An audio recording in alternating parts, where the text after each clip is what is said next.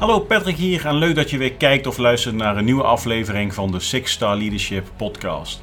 Mijn gast in aflevering nummer 30 alweer is eh, Paul van Schaik. Uh, Paul van Schaik uh, ken ik via uh, Armand van Velzen van Allied Forces. En dat is ook meteen een link naar Paul zijn affiniteit met Defensie. Want Paul heeft niet echt een actieve dienstcarrière achter de rug, behalve dat hij kok is geweest in de gaarkeukens ergens in zijn dienstplichttijd. Maar hij is wel gefascineerd door een militaire approach van het creëren van prestatiedoorbraken. En Paul doet dat op dit moment samen met zijn collega's. Ik geloof tien personen van FTE Improvery. Uh, dat is een bedrijf wat uh, dus zorgt dat je prestatiedoorbraken kunt creëren. En uh, Paul zelf is, is, ehm, geïnspireerd onder andere door dit boek van, van Jocko Willink.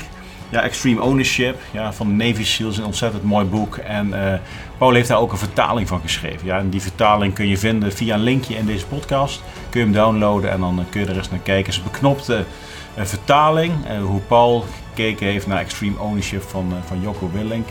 Maar dit gesprek met Paul is, is erg mooi geworden. En Paul is echt een, een, gevoelsmens en hij praat vanuit zijn professie. Het is een ontzettende kundige man. Uh, hoe hij naar organisaties kijkt en hoe hij ook prestatiedoorbraken kan gaan creëren. Hij is er ontzettend mee begaan en dat doet hij altijd samen met een team. En, en ik wil toch gezegd hebben, in dit gesprek praten we uiteraard over Paul. Maar Paul is echt iemand die vanuit een team denkt en praat. En alles wat we hier besproken hebben, is ook vanuit die gedachte gedaan. Um, nou, een van Paul en zijn team zijn mooie prestaties is, is de prestatiedoorbraak die bij de NS is gerealiseerd. daarin hebben ze een relatief logge organisatie uiteindelijk kunnen ondersteunen in het echt bewerkstelligen van ja, next level prestaties. En uh, de beste prestatie, de best mogelijke prestatie, zoals Paul dat omschrijft met zijn, met zijn gedachtegoed. En dat sluit natuurlijk ook aan bij Six Star Leadership. Want resultaten overstijgen is altijd een mooi doel. En dan maakt het niet uit wat je startpunt is. Als je altijd bezig bent om je beste resultaten te boeken of je resultaten overstijgen, dan denk ik dat je daarin mooie stappen zet als organisatie of als team. Dus wij is belangrijker dan wij. Ook hier mag ik weer drie exemplaren van weggeven. Dus ik denk dat we een aantal mooie dingen hebben. We hebben sowieso de download van Jocko Willings en Extreme Ownership. We mogen drie stuks uh, bij is belangrijker dan Why van Paul van Schaik. Dennis Stout en Alfred Smits. Met z'n drie hebben ze dat gemaakt over hun prestatie doorbraak bij de NS. En uiteraard hebben we het hele mooie gesprek uh, met Paul van Schaik zelf. Dus we gaan snel door naar het gesprek. het is een mooi gesprek waarin we in, deel, in het eerste deel van het gesprek veel praten over de aanpak van, van, van Paul, hoe hij naar bepaalde vraagstukken kijkt. En halverwege het gesprek zien we ook steeds meer de emotionele betrokkenheid van Paul, hoe hij vanuit zijn team samen mooie prestaties op de mat heeft gelegd. En ook de persoonlijke betrokkenheid en een stukje persoonlijke inkijk in Paul zijn leven. Ja, dus uh, veel plezier, mooi gesprek en geniet ervan. Ja, dus dat is mijn passie. Ja, en dat is. Ja, ja nee, dat is. Dat is mooi, ja. ja. dat is mooi. ja. Zullen we beginnen, Paul? Ja, zeker. Ja, dat is mooi. ja, ik zeg altijd welkom bij de Sixer Leadership podcast. Uh, de camera's draaien, de microfoontjes zijn allemaal aan. Het worden er... Oh, daar. In één keer denk ik, waar zijn de camera's? Het, het, worden er steeds meer. ja, nee, nee, nee, maar ik zie nu dat, dat, ik daar in ieder geval, als ik mensen wil aanspreken, ja, ja, dan... nee, jij hebt de iPhone Pro, dus je hebt het beste beeld. Dat doe ik, doe ik bewust dat de gast er een HD-kwaliteit uh, op staat. ja, ik zie er in Zoom beter uit dan aan Teams. Dat, uh, oh, is dat zo? Dat ja? heb ik al geleerd, ja. Kun je filtertjes leggen? Of? Ik heb geen idee, maar nee. bij Zoom uh, denk ik nou. Ja. bij Teams denk ik zo, hij ziet een beetje bleek. ja, heel goed. Ja, leuk. Ja, goed, de gast van vandaag is Paul van Schaik. Welkom Paul. En nou, voor mij ook wel weer een bijzondere gast, want dit is mijn tweede gast van de 30. die niet actief beroepsmilitair is geweest. Dus dat vind ik eh, leuk om daar ook eens even op in te zoomen dan. Uh, wat dan toch jouw, uh, jouw komst voor mij interessant maakt. En voor de kijkers, nou we zitten in Haarlem, we hebben wederom mooi weer. En dat is traditie hier op vrijdagochtend. En dus die lijn trekken we lekker door. En ben je nog niet geabonneerd op YouTube of Spotify of op Apple Podcasts, doe dat dan ook eventjes en dan, dan kunnen we ons blijven volgen. Nu naar de gast van vandaag. Paul Verschuik, welkom. Dankjewel. Ja, ik, ik vind het ook hartstikke leuk, weet je. Ook omdat het een mooie dag is, maar ook, uh, ja, weet je, het is zo leuk om te praten, ervaringen uit te wisselen. Ja. En dat je dat dan voor andere mensen mag doen, dat vind ik echt. Ja, ik- dus ik ben jou ook dankbaar Ja, dat ik hier ben. Ja, ja, dat is wederzijds. Stel je eens kort voor, Paul, want ik heb hem natuurlijk afgetrapt met een, eh, een, klein eh, hintje naar jouw defensieverleden. Maar Ja. vertel eens kort wie, wie je bent en, en wat dan de motivatie is dat we hier zetten. Ja, ja mijn defensieverleden komen we nog op waarschijnlijk Ja. eh, 12 maanden, dus dat is niet heel veel. Dat is langer dan de gemiddelde Nederlander. Hoor. Dus dat- Ja, nee, dat, dat, dat weet ik dan niet. Maar Ja. ja, ja nou, mijn, mijn naam is Paul Verschijk. Ik ben 56, hè, dus best al wat jaren op de klok. En eh, ik ben eh, vader van twee eh, zoons. In de, ja, ze noemen zichzelf geen pubers, maar in, In mijn, ogen in mijn ogen zie ik echt wel wat puberdingen. En ik hou echt heel veel van die gasten. En getrouwd met José, die zit in de schuldhulpverlening. En nou, daar leer ik ook heel veel van, hè, want het zijn mensen die komen, die zitten echt in het, aan de onderkant. Hè, die hebben echt heel veel problemen. Dat doet ze in Amsterdam-Noord. En voor de rest, ja, ik, ik, ik ben sportief. Ja, ik hou van mensen, maar ik hou ook van resultaten. Ehm, en, en als je heel diep in mijzelf kijkt, hè, je komt, hoe ouder je wordt, hoe meer je tot de kern komt. Waar ik van hou is ogenschijnlijke, onmogelijke dingen realiseren. Hè, dus dingen waarvan heel veel mensen zeggen dat kan niet dat kunnen wij niet, of eh, het bestaat niet, of wat dan ook. Dan krijg ik heel veel energie. Hè? Dus daar heeft wel eens een leidinggever tegen me gezegd: Nou, je gaat toch niet naar de NS? Weet je, bij de NS iets veranderen, kansloos, weet je. En dan denk ik juist zo. Nou, dat had je eigenlijk niet moeten zeggen, want daardoor ga ik juist wel weg. Hè? Dat, nou, dat, dat vind ik echt mooi. En ik zie, het ook aan mezelf. Ik ben twee jaar geleden met pianoles begonnen. Dan ben je 54 en dan begin je met pianoles. Nou, het gaat niet snel. Hè? Dus, en, dan, eh, en dan zegt iedereen dat kan niet. nou, iedereen Ja. denkt, ja, daar ga je er niet aan beginnen. Nou ja, ja, ik heb er toch heel veel lol in. En, en tegelijkertijd is het ook af en toe vermoeiend. Hè? Want je, je, merkt toch dat je het allemaal niet... Hè, wat mijn zoons eh, in vijf jaar geleerd hebben... daar ga ik denk ik eh, nooit bereiken, dat niveau. Maar ik heb er Maar die spelen ook piano? Nee, die spelen nu niet meer Nee. piano. Nee, dat heeft iets met die puberleeftijd denk Ja. ik te maken. Maar eh, hè, dus ik vind het zelf, en dat is ook wel een overtuiging, dat je heel veel dingen kan leren. Ik kwam vroeger heel vaak te laat. En mijn eerste afspraak, nog voordat ik bij de NS kwam, was met een machinist. Ik wilde gewoon eens aan een machinist uit mijn kennissenkring vragen van... Goh, hoe is het nou om machinist te zijn? Hoe is het nou om bij NS te werken? En die man die belde mij, ik, ik had om drie uur een afspraak op het Centraal Station en die belde mij precies om drie uur op. En ik zat nog in de bus vanuit Landsmeer, want daar woon ik. En hij zegt, ja Paul, met Rob, waar ben je? en ik zeg, ja ik zit in de bus, ik ben er bijna. Maar ik keek op mijn klokje, ik denk drie uur, ja drie uur is gewoon drie uur. Weet je, die man is gewoon gewend op tijd aankomen. Ja. Hè? Dus ik heb geleerd om op tijd te komen, terwijl ik gewoon weet ik veel, 50 jaar overal te laat kom. En nu dacht ik, en ik ben nu gewoon op tijd. Ja. Ik was hier op tijd, ik, ik probeer... Ja, het Nou was ja. op het nippertje. hoor. Oké, het was op tijd. Maar goed, het was op tijd. Zeker, Plus of min 30 seconden. Weet je, dus je kunt alles leren. Ja. Nou, en, en, dat geloof, en, en hoe krijg je mensen, groepen, dat ze individueel en als team gaan leren? Hè? Want als ze gaan leren, dan komen ze tot andere prestaties. Ja. Nou, dat is mijn passie. Ja. Nou, je vroeg wie ik was. Nou, dat, dat ben ik een beetje. Ja. Een beetje lange intro, maar... Nee, helemaal, helemaal goed. Je zegt mooie dingen. En, en, ehm, maar even naar die conducteur en, en dat drie uur dan. Is dat dan ook zeg maar, een, een context die gecreëerd wordt waardoor jij moet veranderen omdat jouw context dat ook gaat verwachten? Nou, het, het is. En, en hebben we het over leiderschap? Voor mij gaat het niet per se om leiderschap. Het gaat erom om mensen in staat stellen, om staat te stellen om succesvol te zijn. En wat moet ik dan als leider doen? En als ik dan als potentiële leider binnen NS, programmadirecteur Lean, als ik wil zorgen dat iedereen op tijd is, dan moet ik zelf ook op tijd zijn. En, en wat ik op het hoofdkantoor van NS merkte, is dat er heel veel meetings te laat begonnen. Toen ik daar binnenkwam, toen heb ik de eerste twee maanden heb ik alle meetings die ik had, heb ik gedurfd. Hoeveel procent is er nou op tijd? En volgens mij was het 60 procent. Ja, 60 procent van de meetings begonnen op tijd. En de andere waren te laat. En dan had ik toen vijf minuten, want dat was toen ons eh, punctualiteitsdoel. En toen heb ik later mensen geconfronteerd. Ik zei, god, eh, we zijn te laat begonnen. Waarom? Hè? Want we willen wel buiten dat iedereen op tijd is en binnen maakt het niet uit. En toen hoorde ik op een gegeven moment iemand op de, op de gang roepen die zegt... eh, ja, ik moet me even haasten, want ik heb zo'n meeting met Paul. Dan wil ik wel op tijd zijn. Want ik denk, het gaat niet om mij. Ja. Het gaat erom dat we naar ons personeel uitstralen Ja. dat we op tijd willen zijn. Want we willen voor die reiziger op tijd zijn, dan moeten we ook zelf op tijd zijn. En ik merkte wel binnen ook het hoofdkantoor dat er steeds meer meetings op tijd begonnen. Dus dat het besef van wij willen veilig op tijd, gasvrij, inzetbaar, dat we zelf ook op tijd zijn. Ja. Nou, dat vind ik dan mooi. Weet je? Ja. Dat, ja. Ja, dat die motivatie van de groep of de mensen zelf. Maar dat Wordt ik het dan ook laat zien. Ja. Hè? Dus, Ja. En dat bedoel ik met eh, ja, voorbeeldgedrag. Of dat je.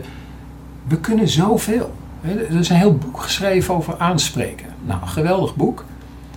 Maar als je in essentie kijkt. Heel veel, ik denk dat wel 90% van de bedrijven en managers moeite hebben om mensen aan te spreken. Maar ik kan jou nu aanspreken. Hè, dus het, is, het heeft niks met mentaal iets te maken. Ik kan jou aanspreken. Ik kan gewoon zeggen, Patrick, eh, we hadden toch afgesproken dat die computer dicht en nu staat die open. Hè?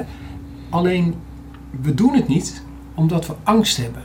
Hè, dus voor mij is leiderschap en nieuwe dingen leren gaat eigenlijk over wat belet je om iemand aan te spreken dat zijn laptop open staat. Mhm. Wat belet je om iemand aan te spreken dat hij voor de derde keer ziek is? Hè? En niet dat het gaat om ziekte, maar wel om een voorkombare ziekte, namelijk iemand die gaat voetballen en drie keer eh, eh, een blessure heeft. Dan mag je als werkgever wel zeggen: je bent eh, conducteur, je bent dit jaar drie keer ziek geweest omdat je met voetballen een, een blessure hebt. Nou, dan, ik vind dat je dan als, als teammanager gewoon mag zeggen: Nou, weet je.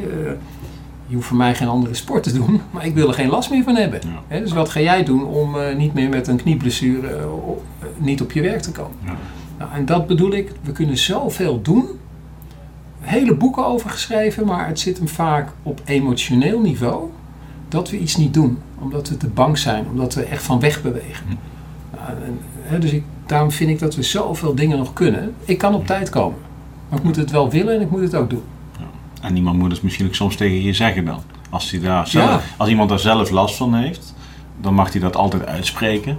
En de ander hoeft daar niks mee te doen. Maar degene wie het uit wil spreken, moet het niet, niet uitspreken omdat hij zelf denkt dat dat niet kan. Ja, nou ja, en Dan- dat je als groep samen een afspraak maakt. Wij willen gewoon op tijd zijn. Ja, mooi. Je Hey, maar even, wel- even boeken, ik wil even, Ja. ik, ik, laat hem even ook in de camera zien. Dit, dit, dit is jouw boek, jullie boek. Ja, Je dit hebt is, meerdere boeken geschreven. Ja, dit is wel heel belangrijk om te vertellen dat ik dit met Dennis en Alfred, hè, Ja. eh, Dennis Stout en Alfred Smits. Wij is belangrijker dan why. Ja, en dat is naar aanleiding van de NS. En eh, ja, weet je, hoe gaaf is dat om, om vijf jaar programmadirecteur te mogen zijn bij de NS? Ja. En het zijn vooral de medewerkers die het gedaan hebben en de managers en de directie en de staf. Kijk, Alfred, Dennis en ik, dat, die hebben begeleid. Maar de mannen en vrouwen hebben het zelf gedaan. Dus het is, eh, wij hebben wel opgeschreven natuurlijk hoe, hoe we dat gedaan hebben. Ehm, maar het is eh, verdienste eigenlijk van de medewerkers, de managers en de directie en de staf. Hè? Dat, Ja. eh, Nou goed, daar we- wil ik zo meteen even op, op inzoomen. De vaste luisteraars en kijkers denken, hé, hey, een boek. ja, ja, dus we mogen er drie weggeven, Paul. ja, zeker. Ja, Ja, dus, dan, eh, ja zeker. Ja, oké, ja, goed, dat doen we na de, na de uitzending, gaan we dat regelen. Ehm, wat, wat is jouw link met, kijk, je zegt ervan, ik, ik ben doorbreken en de resultaten halen wie, wie eigenlijk niet te behalen eh, zijn, wat we denken dan. Nou, dat is natuurlijk ook Star Leadership, dat is resultaten overstijgen, Ja. wat we niet denken te kunnen behalen. Maar wat, wat is jouw, jouw link dan met de defensie? Want we maken hier ook de verbinding met defensie en het bedrijfsleven. Eh, kun je daar eens wat over vertellen dan?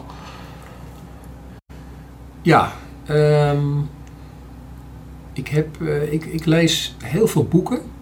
En van elk boek wat ik gelezen heb, probeer ik te kijken van hoe kan het bijdragen aan prestatiedoorbraken. Hè? Want, eh, en ik, ik kijk naar dingen, boeken over hersenen. Hoe werken hersenen? Hoe werken mensen met hun hersenen? Eh, een mooi boek is ehm, eh, The Brain Warrior. Hè? hoe kan je zorgen dat je brein gezond is? Eh, weinig suiker, goed slapen, dat soort dingen. Ik lees boeken over neurologie, psychologie, je brein in jezelf, je brein in relatie, sociologie, in contact met anderen.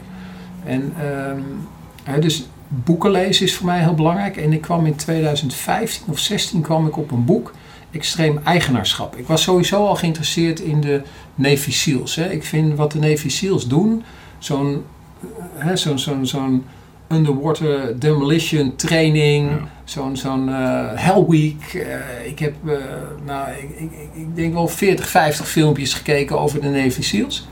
En op een gegeven moment eh, kwam ik op het boek Extreem Eigenaarschap of Extreme Ownership. Toen ben ik dat boek gaan lezen en dat vond ik zo gaaf. Toen heb ik dat boek samengevat in het Nederlands. En als mensen dat willen, kan ik het, uh, moeten ze me jou maar even mailtje of ik stuur jou Oh, dat is eh, goed. een Ja. samenvatting. Want ik heb het uiteindelijk op 7, Oh, is 8. dat eh, ja, ja, dat is hem. Ja. Nou, dat boek heb ik samengevat in het Nederlands. En toen dacht ik, ik zoek eigenlijk een, een, een, een marinier of een, een, iemand uit Defensie die even kan checken of datgene wat ik samengevat heb als burger, noem ik het maar even, of het een beetje klopt. En, en of Nederlandse eh, militairen, mariniers, daar iets eh, over kunnen zeggen. En toen vond ik eh, Rob IJsseldijk, een oud marinier. die, zo kwam ik met Rob in contact. Later kwam ik met Armand in contact, met de Allied Forces. En met Armand ben ik later ook nog andere dingen gaan doen. En ik ben heel erg geïnteresseerd. nou ja, het boek van Sander Aarts. Maar ik heb ook een boek Unbreakable Mind gelezen van de Navy SEALs. Ik heb, nou ja, eh, allemaal van dat soort boeken gelezen. En wat ik interessant vind, is wat kunnen we nou leren van de mariniers, de Navy SEALs, van Defensie in het bedrijfsleven. En wat ik vooral uit Extreme Ownership leerde, is, ehm, het is als er ergens iets niet goed is gegaan, heb ik het niet goed gedaan. Weet je, en dat is echt wel een, eh, een, een Punt. soort een, een Ja. leidmotief voor mij geworden. En dat je ook mensen helpt om de norm te halen. Dus je, gaat, je hebt een missie. Nou, dan gaan we net zo lang trainen hè, dat we alle dingen voor elkaar gekregen hebben om die missie te completen. En dan kunnen ook mensen in de, en dat is wel voor mij leiderschap. Hè. Leiderschap is vaak zo'n definitie van eh, groepen in staat stellen om een doel te halen. Voor mij gaat het om groepen samenstellen, groepen eh, zorgen dat die groep als groep in de flow en als individuen in de flow hun resultaten kunnen halen. Dus voor mij is het concept flow is heel belangrijk. Ik, ik weet niet of, of het belangrijk is om uit te leggen Ja, wat voor mij flow is. Ja. Ehm, ik heb in 2007 een deel van KPN mogen begeleiden, 2.500 mensen. En dat team zei op de helft, het lijkt me of we in de flow zijn. En dan, ga ik, dan denk ik, ja, dat voel ik ook. Hè? Dus ik was als coach van dat leiderschapteam. En ik voelde ook die flow. Maar ik dacht, ja, wat is flow? Nou, dan ga ik lezen. Vier boeken verder dacht ik, nou, die professor, die wil ik eigenlijk wel een keer spreken. Mhm. Nou, ik ben naar Los Angeles gevlogen. Het ging niet, we hadden iets meer om handen, maar goed. Uiteindelijk zes weken later zat ik in Los Angeles, heb ik 2,5 uur met hem gesproken. Dat was in 2010. En toen zei hij, je moet hier een boek over schrijven. En welke professor was dat? Eh, professor Csikszentmihalyi, Ja. dat is een Hongaarse professor. Hij was toen al vet in de 70. En wat flow is, is een, een staat hè, dat je brein, dat je zo geconcentreerd met je taak bezig kan zijn, dat je al je kwaliteiten kwijt kan. Mhm. En je kunt in die staat komen als de context helder is. Dus als je gewoon weet wat er van je verwacht wordt.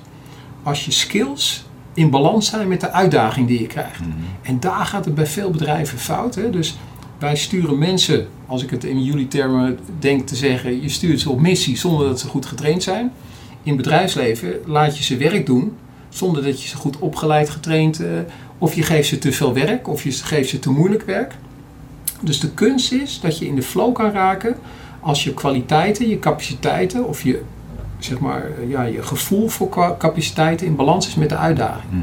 En, en dat is waarom ik eh, elke keer bezig ben om mensen in staat te stellen om succesvol te zijn, dan wel in de flow te komen, door ze uitdagingen te geven die passen bij hun kwaliteiten. En je kunt ze steeds meer uitdaging geven als je ze ook traint, opleidt, coach, begeleidt, eh, skills, processen. Dat je zorgt dat de randvoorwaarden er zijn, dat ze ook succesvol kunnen zijn. Mhm. Dus dat is voor mij eh, flow.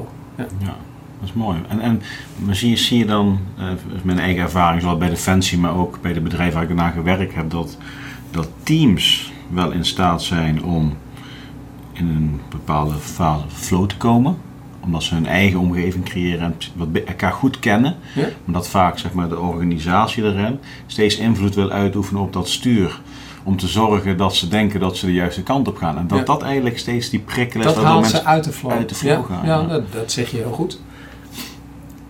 Toen bij KPN in 2007, dus een tijdje geleden, ehm, die leidinggevende, Jan Beker heet die, die heeft ervoor gezorgd dat die 2.500 mensen in de flow konden raken. Dus alle prikkels die van buiten kwamen, van hogere leidinggevenden, dat heeft hij allemaal tegen kunnen houden. En ehm, die, eh, die professor Csikszentmihalyi, die heb ik bezocht in 2010. Toen ben ik twee jaar later in Zweden geweest. Ja, ik was echt een soort wereldreiziger op zoek naar informatie. Toen ben ik in 2012 ben ik naar Zweden gegaan. Heb ik met een kerel gesproken die de Zweedse cargo, dus de, de, de, de trein cargo, hoe heet Mhm. het, eh, goederenvervoer Ja. in Zweden. Die heeft hij van 100 zoveel jaar eh, verlieslatend, heeft hij binnen een paar jaar naar winstgevend gekregen. Ook met het concept flow. En wat hij, dus hij heeft die geleerde lessen die hij ook van professor Csikszentmihalyi heeft hij toegepast in bedrijf. Hij is ook een oud McKinseyaan. Bij McKinsey kon hij zijn ei niet kwijt. Dus ik heb ook eh, twee dagen met hem opgetrokken in Zweden om van hem te leren. Ik heb hem later ook nog naar Nederland gehaald om met het directieteam van Reaal eh, te praten, of met de raad van bestuur van eh Reaal te praten. Want alleen dat kwam daar toen niet aan, want die mannen hadden, en vrouwen hadden iets minder met flow. Eh, en je moet het misschien niet altijd flow noemen. Hè? Je moet zeggen, oké, we moeten duidelijke doelen hebben, we Ja. moeten duidelijke context hebben, duidelijke processen, procedures, teamafspraken en dan kunnen mensen in de flow komen. Flow is nog steeds med- meditatiematje. Ja, dat, Ja, ja, dat is het een dat beetje. gek, maar maar het is dat, dat is het dus niet. Nee. Je gaat zorgen dat, dat er clarity is, helderheid over doelen, verwachtingen, opleiden, trainen. Dat die skills en de uitdaging dat die in balans zijn. En als je ook in de flow zit en je zegt ben je in de flow, dan ben je al uit de flow. Hè? Dus het Mhm. gaat erom dat Ja. mensen, je kunt mensen niet in de flow duwen, krijgen. Precies, dat Ja. het, ontstaat. Ik had, ehm, eh, hoe heet hij nou, Marcel die dat boek geschreven heeft, ehm, De Kooi. Ja? Heb je het gelezen? Nee. Oh, Marcel van de Ven. Mhm. Hij heeft dus vijf jaar lang bij een speciaal politieteam gezeten om ehm, nou ja, afluisteroperaties en dat soort dingen. Hij heeft een, een heel mooi boek geschreven. Ik heb het twee keer gelezen. Zo, het is net als een spannende film. Ja. Die wil je eigenlijk dat die, niet dat die stopt, hè? dan wil je erin blijven. Ja. Nou, dat boek heb ik gewoon twee keer gelezen. En dan later dacht ik, ja, ik ga hem gewoon opzoeken. Dus ik ben naar Marcel van der Ven geweest. Ik heb hem een boek gegeven. En, eh, en ik heb aan hem gevraagd, als je nou zo'n afluisteroperatie doet, kun je dan, hoe kom je in de flow? Toen zei hij, ja, omdat er collega's van mij die, die met wapens klaar stonden, dat als het mis zou gaan, wist ik dat ik me volledig kan concentreren op mijn werk. Het tweede wat hij zei, van ja, ik was niet zo goed in eh, draadloze apparatuur. Ik ben niet zo handig met apparatuur eh, plaatsen, maar ik ben wel goed met dat en dat. Dus ze- ook zij gingen kijken van welk stukje kan je goed hè, mensen op hun kracht inzetten. Zodat ze vanuit hun kracht hun dingen kunnen doen en niet vanuit hun zwakte dingen moeten Ja. doen. Ja, en dan probeer ik weer te leren. Dus dan ga ik eh, letterlijk anderhalf uur naar, eh, het was toevallig hier in Haarlem, ga ik naar hem toe. Dan ga ik een praatje met hem maken, ga ik van hem leren. Nou, dan kan ik dat ook weer in mijn, Ja, ja, in mijn zak stoppen. Mooi. Dus, dus kennis verzamelen, eigen inzichten. En dat dan weer zelf kunnen toepassen. Ja, heel mooi. Ja, ik, Koen Posma is hier ook geweest. En dat is een, eh, ja, die, die, die was officier bij de Special Forces Unit, waar ook volgens mij Sander Aarts ook bij zat in Afghanistan. Tegelijkertijd toen ik daar ook zat. En hij heeft het boek Blind Vertrouwen geschreven. Blind Vertrouwen. Hij, is, eh, hij was voor airworld controller. Dus hij gaf coördinaten waar de vijand zat. Zodat eigenlijk de vliegtuigen die bommen konden gooien. En hij heeft daar, dat schreef hij ook in zijn boek, hij heeft daar dus in zijn, op zijn kaart dingen uit zitten zoeken. Uiteindelijk coördinaten doorgegeven, voor mij een paar uur of zo. Toen hoorde hij achteraf wat er om hem heen gebeurd was. Hij zat zo in de flow. Hij zat helemaal Ja. in zijn taak. Blind vertrouwen in zijn omgeving, wat, wat je ook omschrijft van die, Ja. van die meneer van... Ja, ik, ik was zo bezig met mijn eigen rol en de rest was geregeld. Ja. Dat je echt helemaal diep erin kunt gaan en niet eens in de gaten wat er gebeurt. Dus het is... eh, Nou, ik, ik- weet je, ik- dit- dit- ja, dit- het is zo fijn dat het klopt. Hè? En, en heel veel dingen weet ik nog niet. Hè? Dus is de, eh, er zijn nog heel veel dingen die ik nog steeds niet weet. Maar dat, Heel veel dat- dingen gaan we ook niet weten. Nee, dat gaan Dus, we ook eh, nooit weten. Maar dat concept flow en mensen in staat stellen om in de flow te kunnen komen, mhm. dat geeft heel veel rust. Ja. Ja. Ja, en dan extreme ownership. Je bent zeg maar in combinatie met flow, dat, dat ben je gaan vertalen naar de opdrachten die je bij die grote organisaties Ja, deed. Dus KPN en, en, en wat. Ja, KPN heb ik in 2007 gedaan. Eh, ik ben ook nog drie jaar programmadirecteur bij Reaal geweest. Mhm. En eh, Reaal is een verzekeraar, 1700 mensen, vijf locaties in Nederland.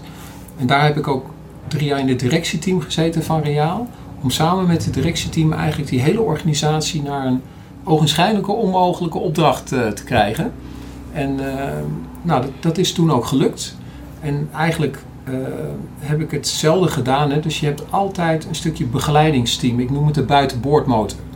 Dus ik had een team van volgens mij 15 consultants. En met die 15 consultants hebben we eigenlijk al die directieleden, managers, direct leidinggevenden en medewerkers geholpen om in de flow te komen.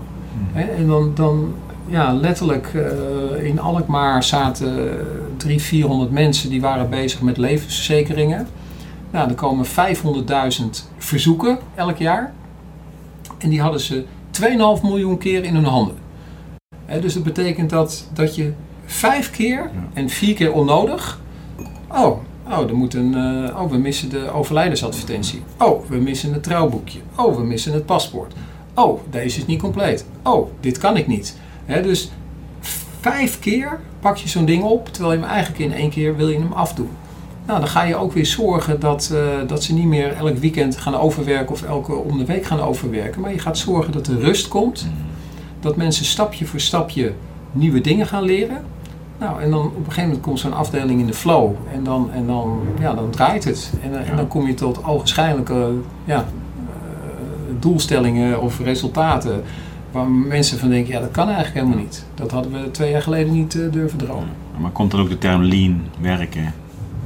Ja, ik, ik, weet je, het woord lean, daar zit zoveel uh, ruis op. Mm.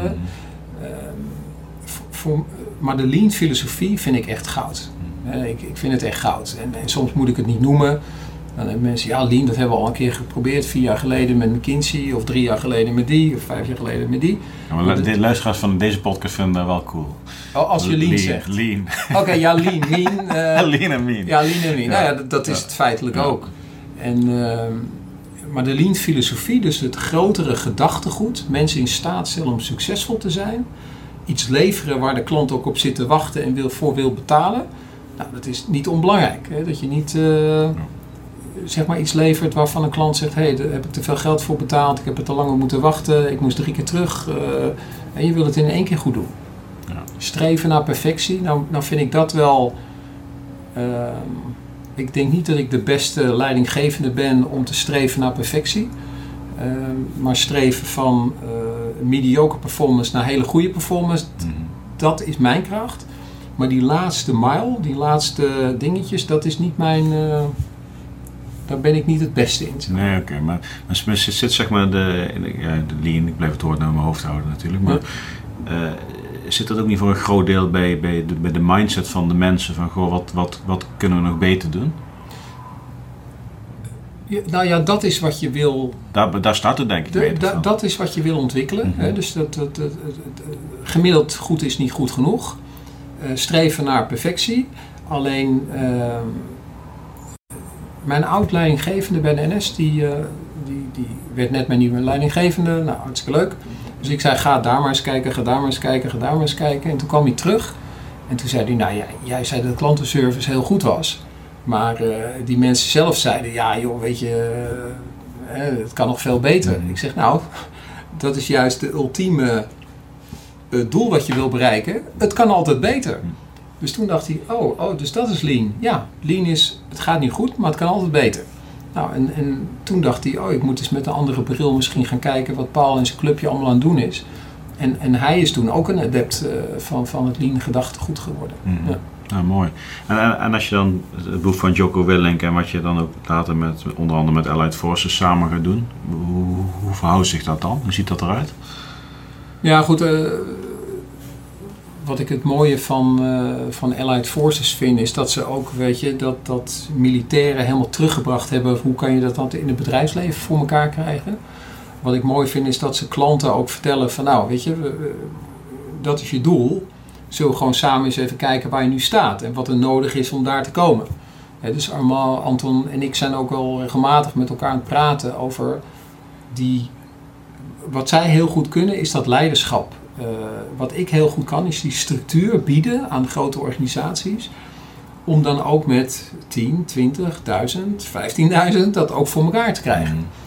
Mhm. Dus wat ik heel goed vind is wat zij met leiderschap doen. Ik denk wat, wat ik heel goed kan is die structuur bieden. En dat is ook wat met het bedrijf waar ik nu eh, eh, met mijn eh, collega's, met mijn twee partnercollega's, Improvery heet het bedrijf. Wij zijn heel erg bezig met die resultaat verbeteren.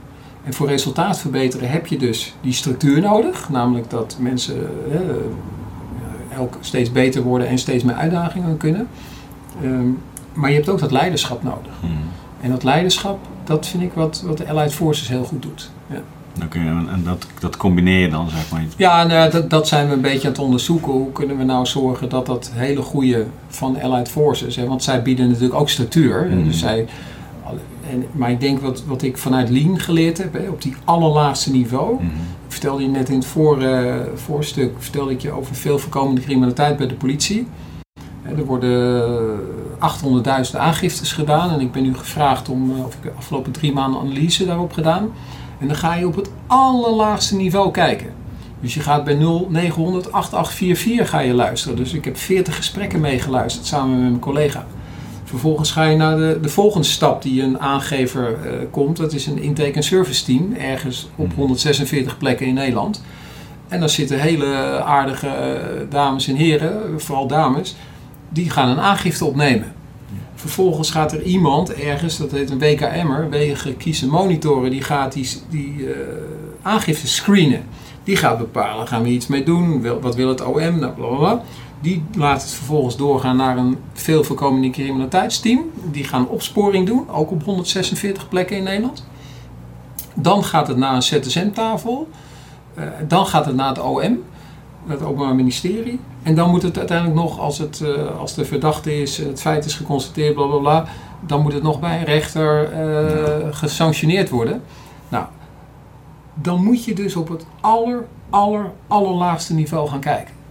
Nou, en dat is denk ik mijn kracht, is dat ik echt op het allerlaagste niveau ga kijken, wat is hier nu nodig? Want als je niet op het allerlaagste niveau, eh, ik weet, werk je met stappen tellen of niet? Ja. Nou, ik, ik werk dus ook heel veel met stappen tellen en mijn slaap en weet ik veel wat. Ja. Dat, dat meet ik ook allemaal en daar ben ik ook al elke dag mee bezig en dat vind ik ook leuk. Maar je merkt, als jij eh 70.000 passen wil halen in een week, dan moet je eigenlijk zorgen dat je elke dag 10.000 haalt. Mhm. Want als je drie dagen 8000 haalt, dan moet je die laatste dag moet je er nog even 6000 bij halen. ja, ja, ja. En dan komt, nou, en dat is de crux op het allerlaagste niveau. En wij, ik noem het dat, het, eh, ja, wij noemen het het kortste bijstuurmoment. Dat je dus op het allerlaagste niveau al gaat bijsturen, zodat je niet als drie, vier niveaus te hoger, dat je, oh, verzuim gaat omhoog. Nou, dan ga je, zo ging het bij NS.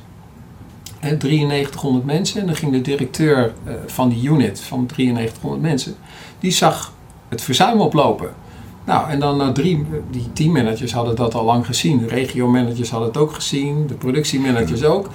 Ja, tot het bij eh, hem of haar kwam. Ja, nu gaan we verzuim sturen. Nou, dan ging die hele organisatie, 450 teammanagers, 9000 mensen eronder, die gingen, oh, oh, we gaan verzuim doen. Nou, dan gingen al die mensen gingen op verzuim richten, drie maanden lang. Mhm. Nou, dan ging dat weer goed.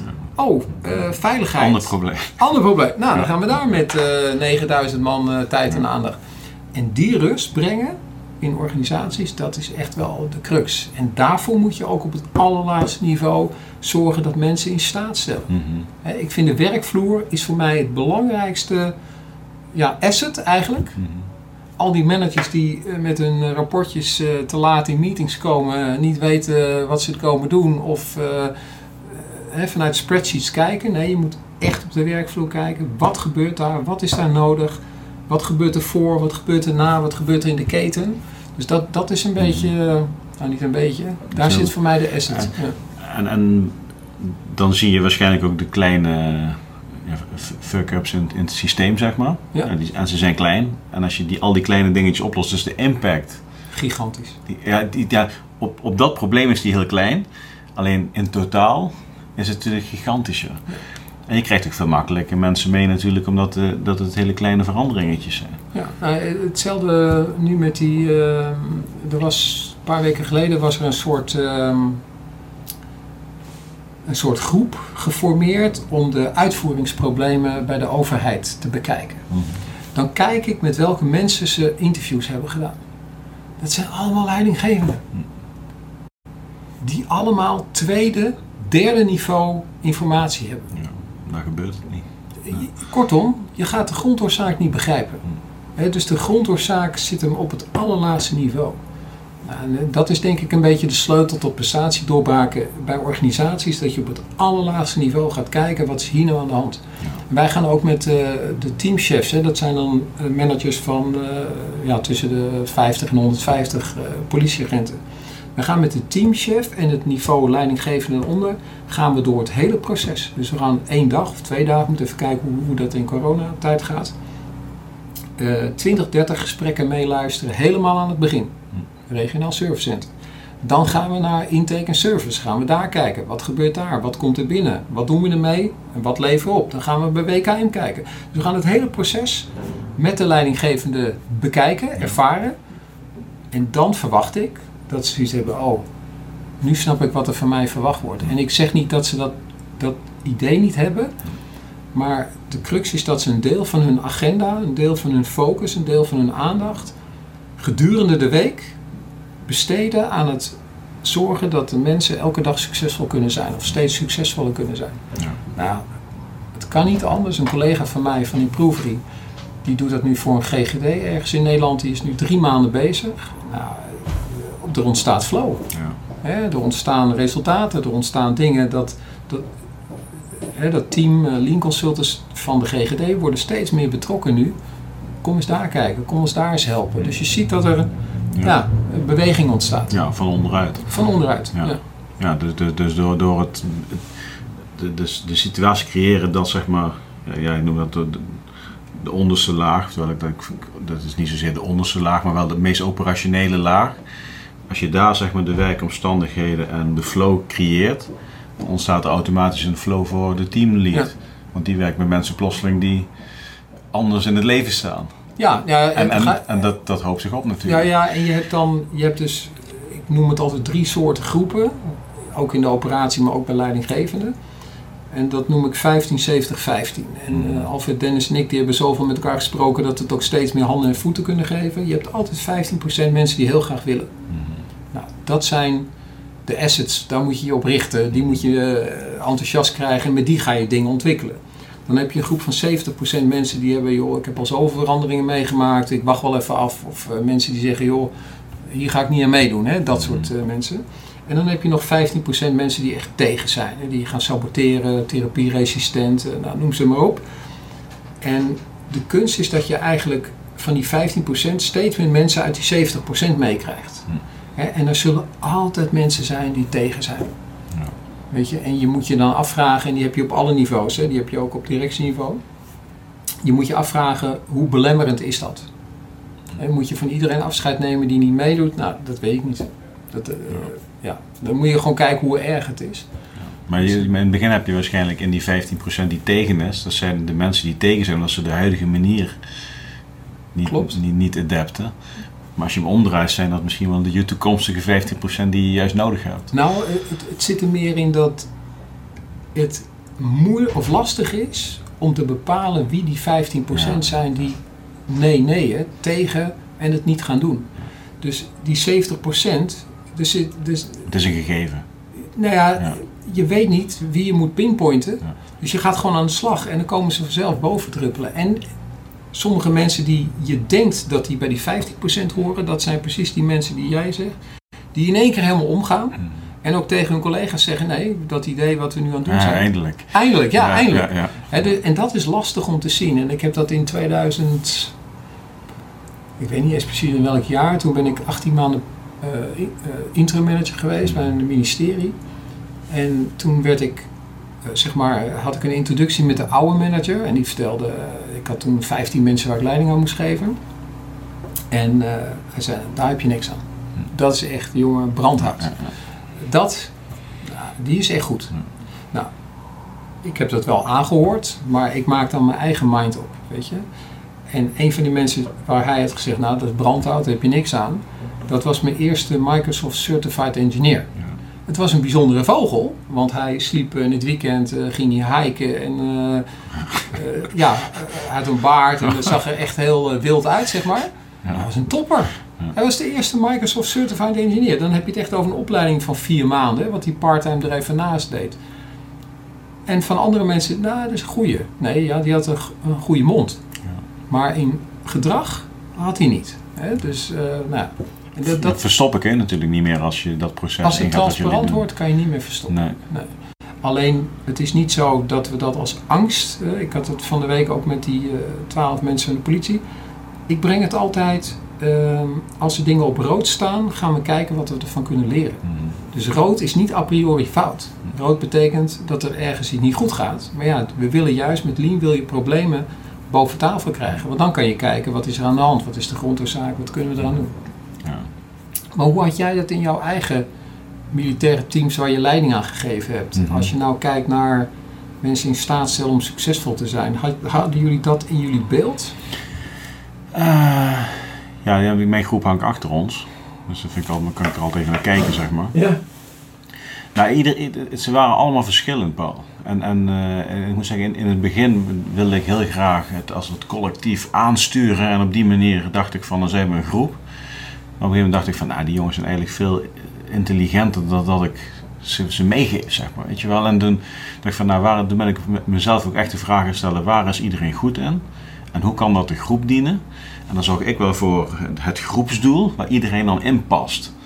Ja, zo kreeg iedereen zijn eigen belangrijke taak binnen dat geheel, eh, waarin we elkaar konden helpen daar waar nodig. En ik zorgde voor de cohesie binnen, binnen de groep. Ja, dat heeft wel een jaar geduurd. Maar daar is, wel, zijn wel, er is echt iets heel moois ontstaan. En, en dat proces van echt Patrick is een teringlijn naar Jezus, wat hebben we een fijne groep. Ja, dat draag ik de rest van mijn leven bij. Want daar heb ik dingen geleerd natuurlijk wat, wat heel waardevol is. Ja, en wat was voor jou de trigger om zo te gaan kijken? Nou, dat was, dat, ja, dat, we waren op een gegeven moment op een oefening in, in Marnehuizen, in, in het noorden van Nederland, Oefendorp. En uh, we moesten daar huizen gaan uh, veiligstellen, maar zuiveren, veiligstellen. en uh, zuiveren deden we later, maar Nederland was nog veiligstellen. En um, ja, dat liep voor geen meter, joh. En ik gaf aanwijzingen en mensen deden het anders. En ik, en ik dacht van ja, dit gaat niet, dit gaat niet goed. En toen heb ik gezegd van jongens, stop het. Toen zijn we op een zolletje gaan zitten van zo'n oefenhuis. Ik zeg, jongens, hoe gaan we het doen? Ik zeg, want voor mij voelt het zo slecht. Ik zeg, ik, ben, ik word er zo moe van en ik heb een, van mijn intentie is goed. Alleen ik zie dingen gebeuren die daar niet, het past niet, weet je wel. En toen hebben we dat allemaal uitgesproken naar elkaar. En toen heb ik echt uh, van de, de stoere wachtmeester, sergeant, die de lijnen uitzetten, ben ik 180 graden anders gaan werken met die gasten. Van nou, we zijn allemaal gelijk. Iedereen heeft een eigen rol. Ja. Maar die moeten we ook wel pakken dan. Ja. Dan is het onze verantwoordelijkheid. Iedereen binnen dit geheel nu ook zijn dingen gaat doen die we afspreken. En hoe groot was je team? Ja, man of acht was dat toen. Ja, Acht man. Maar dan heb je op een hele natuurlijke manier geleerd, gedaan. Hè? Ja. Precies. Zo kijk ik naar teams. Ik begeleid heel veel. Ik doe veel, veel teamcoaching. Dat is de crux. Iedereen is anders. En jij hebt ook met al die acht een andere relatie. dus de ene moet je juist wat meer pushen, de andere moet je wat meer veiligheid geven, wat meer confidence geven. Dus ik vind mooi wat je zegt. Iedereen is anders.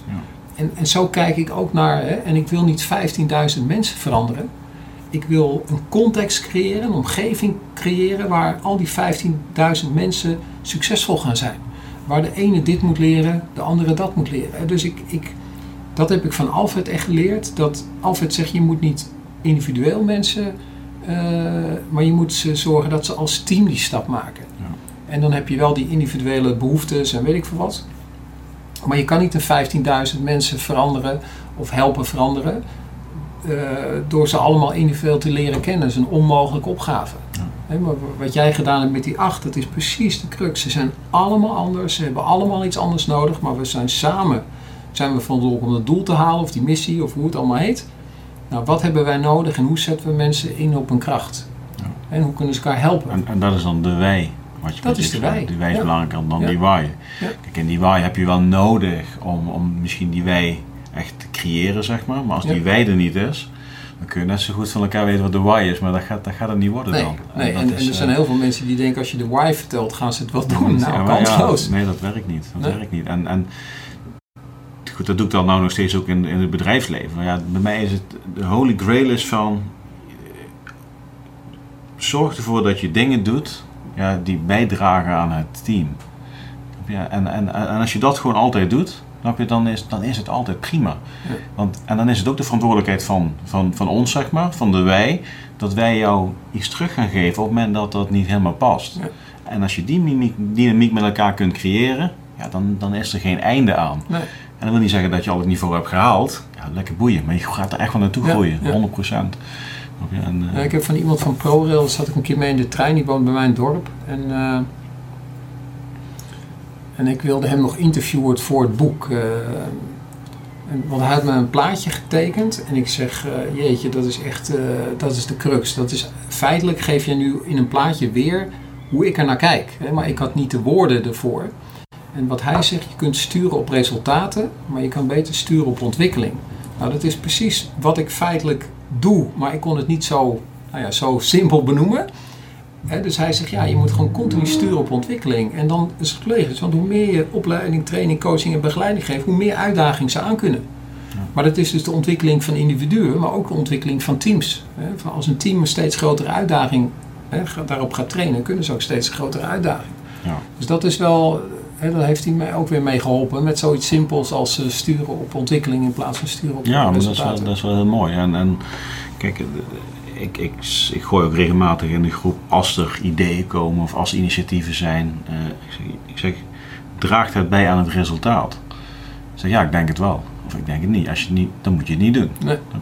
Maar het is niet het doel om een resultaat aan te tikken. Ik weet gewoon, als we dingen gaan doen die bijdragen aan het resultaat, ontwikkelen we ons als team. Ja. En als we het resultaat uiteindelijk wel of niet halen, dat is niet het doel op zich. Daar kom je wel, 100%. Nou, dat, dat is voor mij nog wel een lastig ding. Hè? Mhm.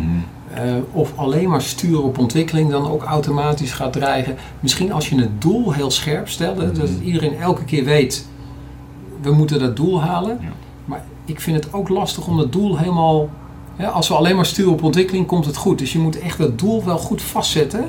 Goed bespreken, goed definiëren. En daar ook regelmatig op meten of we die kant op gaan.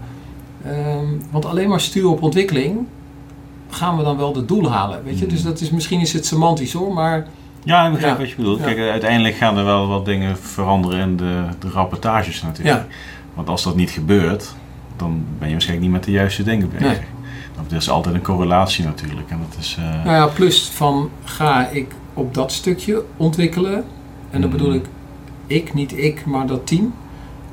Want je kunt ook misschien door iets anders te ontwikkelen, kom je veel sneller bij het resultaat. Dus Mhm. ik vind die resultaatfocus ook belangrijk. Dus Ja. elke keer het doel, hè, of de missie, doel, doel, doel, dat moet je.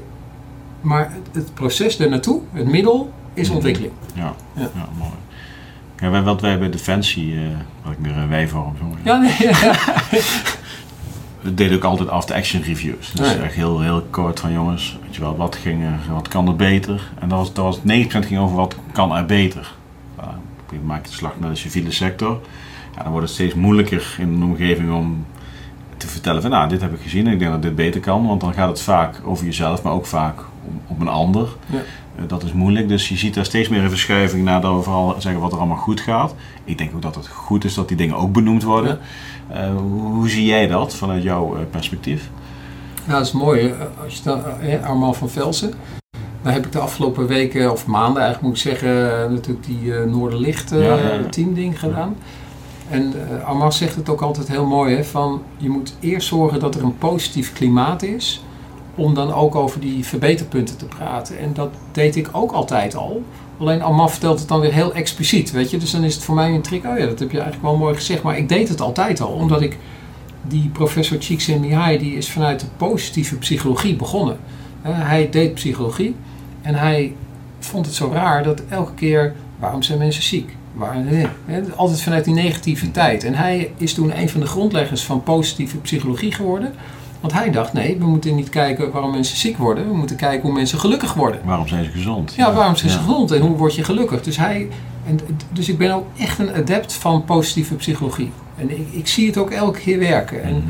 ik heb ook een teamcoachopleiding eh, gedaan in Amerika.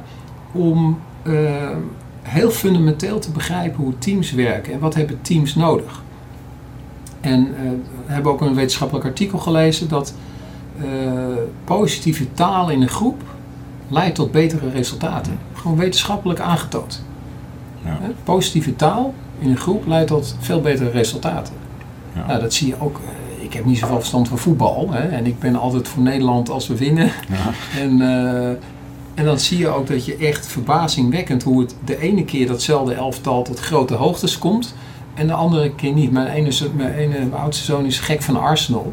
Nou, Arsenal, ik heb niet zoveel verstand Ze van winnen voetbal. niet zoveel. Nee, nee, nou, dat is een beetje het punt. En dan vind ik het zonde van mijn tijd. Ja. En dan is het meer, zeg maar, een eh, bonding eh, ding. Dat ik er wel eh, bij blijf zitten. Maar ik, ik raak echt gefrustreerd, weet Ja. je. Dan, en als het dan heel goed gaat. En toevallig ging het van de week ging het weer goed.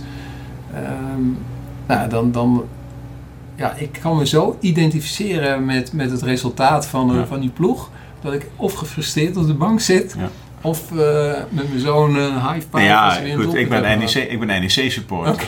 Mijn hele leven al. Dus ik, ik, eh, ja, wij, wij, wij zijn vooral... ik heb geen idee of het eh, eerste klas is. Nee, Nijmegen, ja, die, we spelen eerste divisie nu. Oké. En eh, we zijn natuurlijk, eigenlijk zijn wij de grootste club van Gelderland. Ja. Alle Arnhemmers mogen nou reageren. Ja. Ehm, maar goed, dat is vooral eh, heel erg veel zeik op de club. ja. 90 minuten lang en dan hebben we een mooie middag gehad, dan gaan we naar huis toe. Maar, maar in die atmosfeer zul je natuurlijk nooit landskampioen worden. Snap je? Dus dat is, ja, dat, dat zijn die... maar ik zou het dus geweldig vinden om met een team van nou ja, mensen die hun sporen verdiend hebben in ogenschijnlijke onmogelijke dingen, Ja. om zo'n club dan bij de kladden te pakken. Ja, Met, met voetbal-experts, met, met teamcoach-experts, met eh health, eh, mentale health-experts. Om te kijken of je zo'n ploeg wel weer uit die eerste Ja. klas heet het? ja eerste divisie, eerste, ja. ja. eerste naar Keukenkampioen, Jupiler League, ik, weet- ik ja. weet niet hoe het heet op dit moment. Maar, dat lijkt me echt gaaf. ja. Maar dat, dat zie je denk ik wel als dan de, de jeugd. Ik denk dat je met bijvoorbeeld Van Gaal in, in de jaren 90 bij de jonge groep. Daar zat zoveel positiviteit en vertrouwen in vanuit die man. Wat die gaf aan dat team. Ja, die kwamen in de flow. Ja. En die hadden een paar tegenslagen. In één keer ging het sky high Ja. omhoog. Weet je wel. En Ik denk dat er wel meer voorbeelden van zijn. maar dat is precies, weet je, dat, dat zie je ook. eh, je, je, je kan het aflezen als een team in de flow is, dan lukt alles. Ja. En dan, als het een keer niet lukt, is het niet erg, maar dan denken ze, oh ja, hadden even iets harder moeten schieten of iets zachter. Of moeten, nou, dus, dus ja, ik, ja, flow is voor mij echt wel een. eh, Ja. Dat is mooi. Heb je een voorbeeld vanuit de NS waar je denkt van nee, dit, is- dit is een mooie anekdote die ik wel eh, zou willen delen. Vanuit de verandering binnen die organisatie of bepaalde knoppen waar je op hebt gedrukt.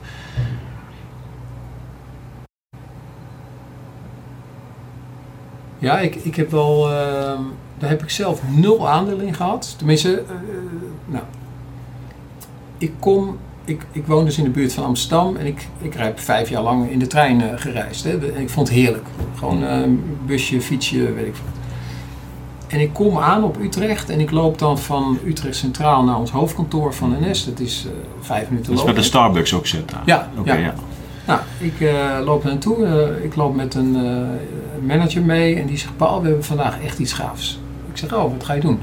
Ja, we gaan met twintig machinisten, iemand, een reliability engineer van eh NetTrain, met eh, een, eh, iemand van ProRail. eh, gaan we naar Amersfoort toe om daar te kijken of die geleerde beste practices om tijdens herfst, hè, herfstblaadjes op het spoor, eh, vochtig, eh, nat. En iedereen heeft het dan over vierkante wielen. Mhm. En hij zegt, wij hebben alle onze best practices, alle beste manieren van werken als het gaat om eh, optrekken, snelheid maken, afremmen. Nou, hè, dus echt machinistenwerk. Hebben we alle knappe koppen bij elkaar gebracht en we gaan nu die beste manier van werken gaan we uittesten op de simulator. Nou, toen kreeg ik, en ik voel het nu weer. Nou, Dat was mooi. Ja. Wat gebeurde er toen? nou, dan denk ik, jeetje, alles wat we bedacht hebben, Ja, dat werkt nu. ja, ja, ja. ja. En je ziet er een groep mensen staan die helemaal trots is. Ja, nou, ik ben er helemaal niet of- bij geweest. Nee, en dat nee, vind ik dan ook het mooie. Door wat de lean consultants, de managers, stapje voor stapje zijn gaan doen. Ja, En dit was denk ik in mijn laatste jaar bij NS. En dan denk ik, wauw, weet je, het is gelukt. ja. Ja. En dan vooral de, de manier van denken van die, van die Ja. groep mensen, dat zelfstandigen. Die, Dat, dat het machinisten zelf zijn die Ja, gaan nadenken. ja, Dat je de kracht benut. Ja. Dat ze elkaars krachten benutten. Dat er een reliability engineer van NetTrain is. Dat er een, ik weet niet wie er allemaal bij waren, maar ik denk dat het een groep van 20, 30 was die gewoon bij een simulator in Amersfoort al die scenario's op beste manier zijn. En het woord beste manier van werken heb ik letterlijk op een zondag een keer bedacht in 2015. Want toen dacht ik, ja, om bij de NS met Standard Operating Procedures aan te komen, Mhm. dat werkt niet. Eh, eh, machinisten, conducteurs, die hebben niks met standaarden. Nee. Als ik tegen jou zeg of tegen jouw team van acht, zullen we eens even een standaard met elkaar afspreken hoe we een wapen gaan laden? Of zullen we een standaard hoe we in een putje moeten graven? Nee, Koffie. ja, koffie. Ja, zullen we het ook nog even opschrijven? En Ja. zullen we ons daar... Nee, maar het woord beste manier van werken, dat is eigenlijk een ander woord voor standard operating procedure, maar dan uitnodigend. En dat komt ook uit de... Ik, ik heb het bedacht omdat het uit de positieve psychologie... Je wil dat mensen ergens naartoe bewegen Ja. in plaats van ergens vanaf De beste manier van werken. Ja, En, en hè, als je dan vraagt wat is dat, dan denk ik ja, ik heb er, je zou kunnen zeggen ik heb er nul aandeel aan gehad. En tegelijkertijd ben ik er trots op, om datgene wat je dan met je lean consultants bedenkt. En wat dan op een gegeven moment ja, ontwikkelt, Ja. nou, dan denk ik ja, dit is gaaf. Ja. En dit had je in 2014 echt niet kunnen bedenken. Dan werd er op de 17e etage of de 16e etage werden allemaal dingen bedacht voor de machinisten. Ja. Ja. Vorige week hebben ze het ook best wel zwaar gehad. Op het spoor met, Ja, de, met de winter. Heb jij daar nog iets van meegekregen? Heb je daar nog contacten? Eh, Dat werk wat toen gedaan is, heeft dat nog steeds een positieve invloed hoe er nu gewerkt wordt? Hoe kijk je daarnaar? Nou, ehm, Dennis heeft veel met ProRail gedaan. Hè. En, en, ehm, ik heb in het verleden wel voor de aannemers. Hè. ProRail, die, hè, ik geloof 3.500 mensen die zorgen zeg maar, voor het spoor. Die zorgen dat er spoor ligt, goed onderhouden wordt, vernieuwd wordt. En eh, dat, je, dat alle mensen die op het spoor gebruik maken, dat ze dan eh, zeg maar, eh, paden krijgen om dan te rijden. Goederentrein of Arriva of NS. Alleen ProRail heeft dat hele onderhoud uitbesteed aan aannemers. Dat zijn er tegenwoordig vier, vroeger waren het er drie. En ik heb wel eh, in 2004 voor de aannemers en ProRail een klus gedaan. Dus ik weet wel wat er allemaal eh, moet gebeuren. Maar Dennis heeft echt gezorgd om samen met de ProRail directie en alle niveaus eronder en de aannemers. En binnen de NS, eh, dat, dat, daar heb ik dan een belangrijke bijdrage mogen leveren. Maar wat er van de week weer gebeurd is met al die sneeuw, dat zijn dan aannemers. Eh, en ProRail, die moeten zorgen dat al die wissels die vastgevroren zijn, dat die weer met branders losgemaakt worden. Eh, maar ik heb daar verder geen actieve, wel dat ik me nog steeds een halve NS'er voel. Ja. Dus het, het raakt me dat die corona er is, het raakt me dat, het, Ja, eh, ja, ja. hè, dat er ook weer eh 2300 mensen hun baan verliezen. Dat raakt me wel. En tegelijkertijd, ja, eh, Albert Heijn, de, hoe heet het, die eh, kassa, die eh, robotisering. Hè, Mhm. dus het, het, het kan niet anders dan dat we het hele eenvoudige werk met steeds minder handjes gaan doen. Ja. Weet je? Dus dat, dat, dat, dat is ook een realiteit. ja, dat je je kaartje bliept en doorloopt en dat het allemaal meer... Ja, je moet je alleen als maatschappij, en dan heb ik het niet alleen over Nederland, je moet je wel als maatschappij afvragen, waarom doen we dingen? En dat houdt me af en toe wel bezig. Hè. Dus ik heb ook eh, een keer een documentaire gezien dat een eh, oud Google-directeur eh, letterlijk ergens in Canada met een M4 of M16 eh, een hutje op de hei is gegaan. hij zegt, ja, dit gaat helemaal de verkeerde kant op met de wereld. Hè.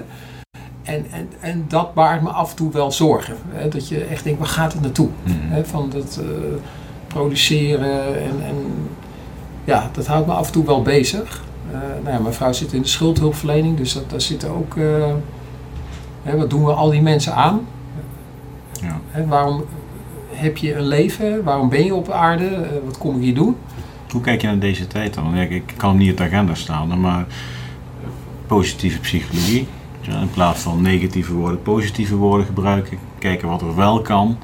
Hoe kijk je dan naar de huidige omgeving? Wat er eigenlijk met ons, noem ik het eventjes, gebeurt op dit moment? Nou ja, ja, ik, ik, ik ben er gewoon stil van. Ja. Ik, ik, eh, als ik kijk, dus ik kijk heel erg van welk deel kan ik beïnvloeden? Nou, wat ik kan beïnvloeden is organisaties helpen dat, ze, hè, dat er mensen in staat zijn om succesvol te zijn. Dat die managers beter in staat zijn om succesvol te zijn. Hè, dat er positieve vibe ontstaat. Dat mensen uh, dat het ertoe doet dat ze er zijn. Hè, of je nou machinist, conducteur of politieagent bent. Dat, dat, daar heb ik invloed op. Maar alle dingen die, alle grote bewegingen. Ja, ik ben nu 56. Uh, ik, ik, ben er af en toe stil van. Mhm. Uh, het is maar net welke lens zet je op. Hè? Of je het Miramar had je het net over. Ja, als je daar de lens op zet, dan denk je, oh, wat een onveiligheid. Uh, als je daar Rusland een lens op zet. dus je kan overal je lens op zetten. En ja, ik zet, mijn vrouw leest drie kranten op een dag. Ik doe dat niet. Sterker nog, dat geeft me heel veel rust. Uh, ik wil al die ballast niet in mijn hoofd hebben. Ik merk ook dat ik daardoor veel rustiger ben. En uh, niet rustiger dan haar, maar dat ik Ja, persoonlijk rustiger ben. Andere dingen bezig. Met andere dingen hoofd, bezig. Ja. gewoon met dingen die mij inspireren. Maar als je dan die grote vraag stelt, uh, de maatschappij, de wereld. Ja, bijzonder hè? Ja, Ja. echt een... En, en dan, hè, dan die zingevingsvragen, waarom ben ik hier? Nou ja, daar probeer ik dan uh, zeg maar uh, het, het, beste van te maken. En ook in mijn omgeving in ieder geval Mhm. mensen uh, ja, tot, tot steun daartoe te zijn. Maar ik, ik weet echt Ja. niet... Nee, wij, wij, wat, wat wij zelf, ik en alleen uh, met de kids, we proberen ook echt uit te zoomen.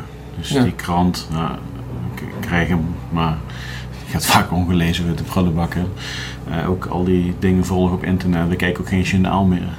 Om gewoon, je wordt zo meegenomen in de details waar je waarschijnlijk toch geen invloed op hebt, maar die je wel raken in je hoofd en die je weer meeneemt. Weet je? Ja. Van, dat, moeten, dat moeten we niet hebben. Maar dan ga je uitzoomen en dan ga je wel steeds meer het ja, groter plaatje, plaatje zien. Dat je denkt van ja jongens, ik, wil wel richting kiezen voor mezelf. Ja, nee, Ja. Maar, dat, maar dat is ook wel, weet je. Dus het is niet zo dat ik alleen maar in mijn eigen... Dus ik kijk wel naar het grote plaatje.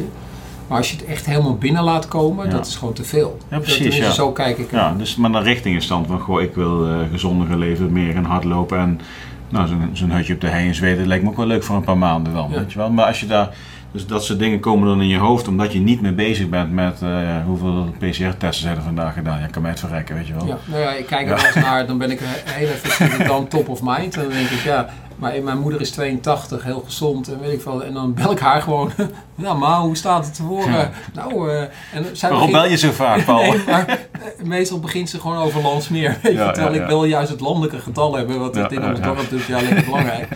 Weet je, dus dat is wel heel eh, grappig. En wel een ding wat me echt, ehm, dat is die, eh, zeg maar, het steeds dikker worden van mensen. Mhm. Dat is wel echt iets dat ik denk, oh mijn god. Daar heb ik wel af en toe, hè, dan is er weer zo'n programma Obese in de US of Obese in Nederland. Daar zou ik nog wel heel graag, hè, dat je een soort groep eh, personal trainers bij elkaar roept. Weet je, dat je gewoon gaat zorgen dat mensen weer goed in hun vel zitten. Mhm. Da- daar heb ik wel, ik ben heel veel met, brein, eh, met het brein bezig. En je gunt mensen wat rust in hun hoofd. En hoe dikker je wordt, hoe, hoe blurrier het in je hoofd wordt. Hè? Hoe, ja, hoe weinig bloed er nog eh, door je cortex heen gaat. Hè? Dus dat is nog wel iets wat me, waarvan ik denk, ja, daar zou ik nog wel invloed op uit kunnen oefenen. Dat je in ieder geval mensen gezond in hun, in hun ja, als je dan, ik kijk altijd eh, spiritueel, je, je lichaam, je geest. eh, da- daar, daar denk ik dan wel van, da- daar zou ik eigenlijk nog wel eens een keer een bijdrage willen Mhm. geven. Het mobiliseren van alle personal trainers en een soort eh, obese traject voor Nederland. Weet Ja, je? ja. Ik. Weet, ik weet dat er een aantal luisteren naar deze podcast. Dus wie, wie weet, dan Ja. staat er iets moois. Ja. Ja, maar daar zou ik echt, weet je, als ik Ja. dan denk waar heb ik invloed op en waar geloof ik in, en dan geloof ik echt in het, persoonlijke welbevinden. Hm. Dat, eh, En een, een, een gezondere mensheid overwint elke crisis. absoluut. En dan, dat is gewoon... en daar kan je Ja. invloed, hè. En wat, wat eh, Nederland, ja, ik kan wel gaan stemmen, ik stem ook altijd.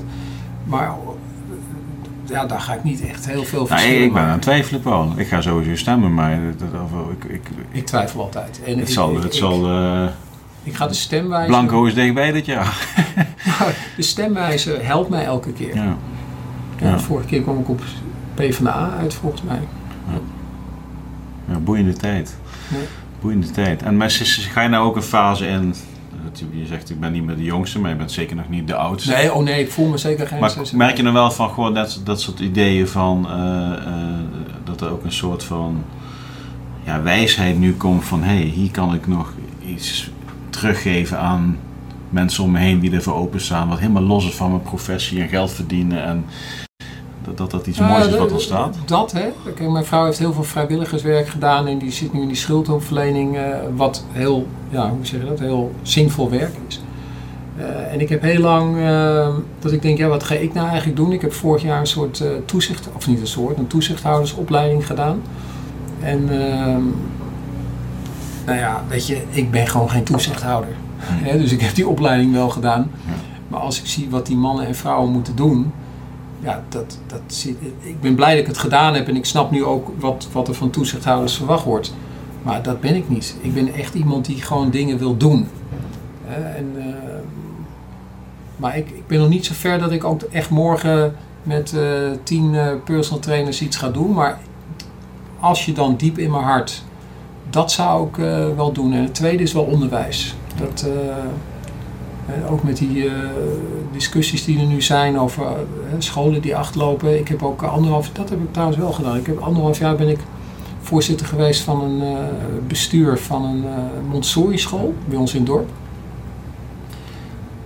Want het ging helemaal mis. een beetje een narcistische bestuursvoorzitter. En eh, nou ja, die had een verkeerde directeur aangetrokken. Nou, leraarteam van 20 mensen. Dus daar ben ik wel anderhalf jaar Prodeo ingestapt. En eh, we hebben gezorgd dat die hele Montessori school onder een professioneel bestuur is gekomen. Eh, nieuwe directeur, nou allemaal. Hè, dus daar ben, ik, daar ben ik dan ook eh, samen met mijn medebestuursleden heel trots op. Dus onderwijs is ook wel iets, weet je, de klasse, hè, wat de afgelopen weken was. Daar heb ik ook nog wel energie, maar die, die ja, dat onnodig ongebreideld uh, kaasvlees naar binnen werken. ja, dat vind ik echt wel zorgelijk. Ja. Ja. En ook voor de impact op de gezondheidszorg. Hè. Ja, maar ik denk, leefstijl heeft een impact op, op, op zowel op, op de aarde, Ja, op, op van alles. Zeg maar. Ja. Dus dat is een belangrijk punt. Je hebt ook een mooie Garmin om, dus je bent ook een hardloper? Eh, nee, een wandelaar. Een wandelaar, oké. Ja. Ik kan niet meer hardlopen. Ik heb in 2005 een marathon gereden met twee pijnstillers op. Hmm. Marathon van New York. En eh, ik heb daar echt eh, een van de meest domme dingen van mijn leven gedaan. Ik heb toen een. eh, ik zat in, een, in de bus naar het starteiland. Ik was goed getraind. En in die tas zat ook, naast het startnummer, zat er nog wat dingen. Maar er zat ook twee pillen in, pijnstillers, Tylenol. En er stond bij, if you take these two pills, you won't have any muscle stress in eh, at least four hours. Nou, dat klopt. En ik heb 3 uur 57 gelopen. En eh, ik wilde van elke meter genieten. Dat is allemaal gelukt. En ik stop met rennen. En ik was één blok beton. Alles wat vast. Alles zat vast. Echt mijn hele bewegingsapparaat. En de Marathon van New York is vijf bruggen op en vijf bruggen af. En ik denk dat met name die bruggen af, dat ik veel te hard gelopen heb. En dan niet dat vier uur eh, is helemaal niet hard. Mhm. Maar ik was echt goed getraind. Ik was heel ontspannen. Ik heb ook heerlijk gelopen. Maar die bruggen af ging ik ook veel harder dan anderen. De- Maar ik heb niks gevoeld. Mhm. En ik stopte met rennen. Ik ben uiteindelijk met een rickshaw ben ik van eh, Central Park naar ons hotel. Dat was echt misschien eh, een kilometer. Ik kon gewoon niet meer lopen. Ik ben daar drie dagen lang ben ik als een houten klaas. eh, want die, die eh, stoepen zijn daar best hoog in New York. En ik was vaak voor mijn werk in New York geweest. Dus ik ben toen ook naar een, eh, Chinese massagehuis geweest om me te laten masseren. Nou, die vrouw, ze hoefde me eigenlijk allemaal naar me te kijken. En op een gegeven moment zei ze, nou, ik, ik doe je rug wel. En dan kan die bloed, nou ja, ik weet begon niet meer wat ze aan mijn rug heeft gedaan, maar ik denk niet veel. Nou, dat heeft, ja, ik heb het vervolgens een beetje verwaarloosd en eh, nou, ik kan gewoon nooit meer hardlopen. En dat is wel frustrerend, want ik heb vroeger in de Nederlandse langlaufselectie gezeten. Ik, heb, ehm, ik was een mid, mid-niveau uh, hardloper. Mhm. Ik heb, nou, ja, ik heb de drie kilometer in 3 minuten, nee, 8 minuten 42 gelopen toen ik 17 was. Dus ik kon echt redelijk hardlopen. Maar dat kan niet meer. Nee. Dus dat is ook wel... Dat eh, die pillen in zijn tas doen. nou ja, dat, ik, ik, ik begrijp het achter. Ik vind het sowieso heel dom van mij dat ik dat gedaan heb. Ja, dat is één. Ja. Dat is echt eh, Ja. heel dom. Ja. Ja. ja, goed. Maar goed, wandelaar dus. Ja, wandelaar, ja. Nou, oké, maar is ook gezond. Dus dat is... eh, Oké, Paul. Paul, hebben we iets nog niet besproken waar je zegt van... Goh, dat vind ik toch nog wel de moeite waard om even aan te raken. Nou, misschien nog één ding.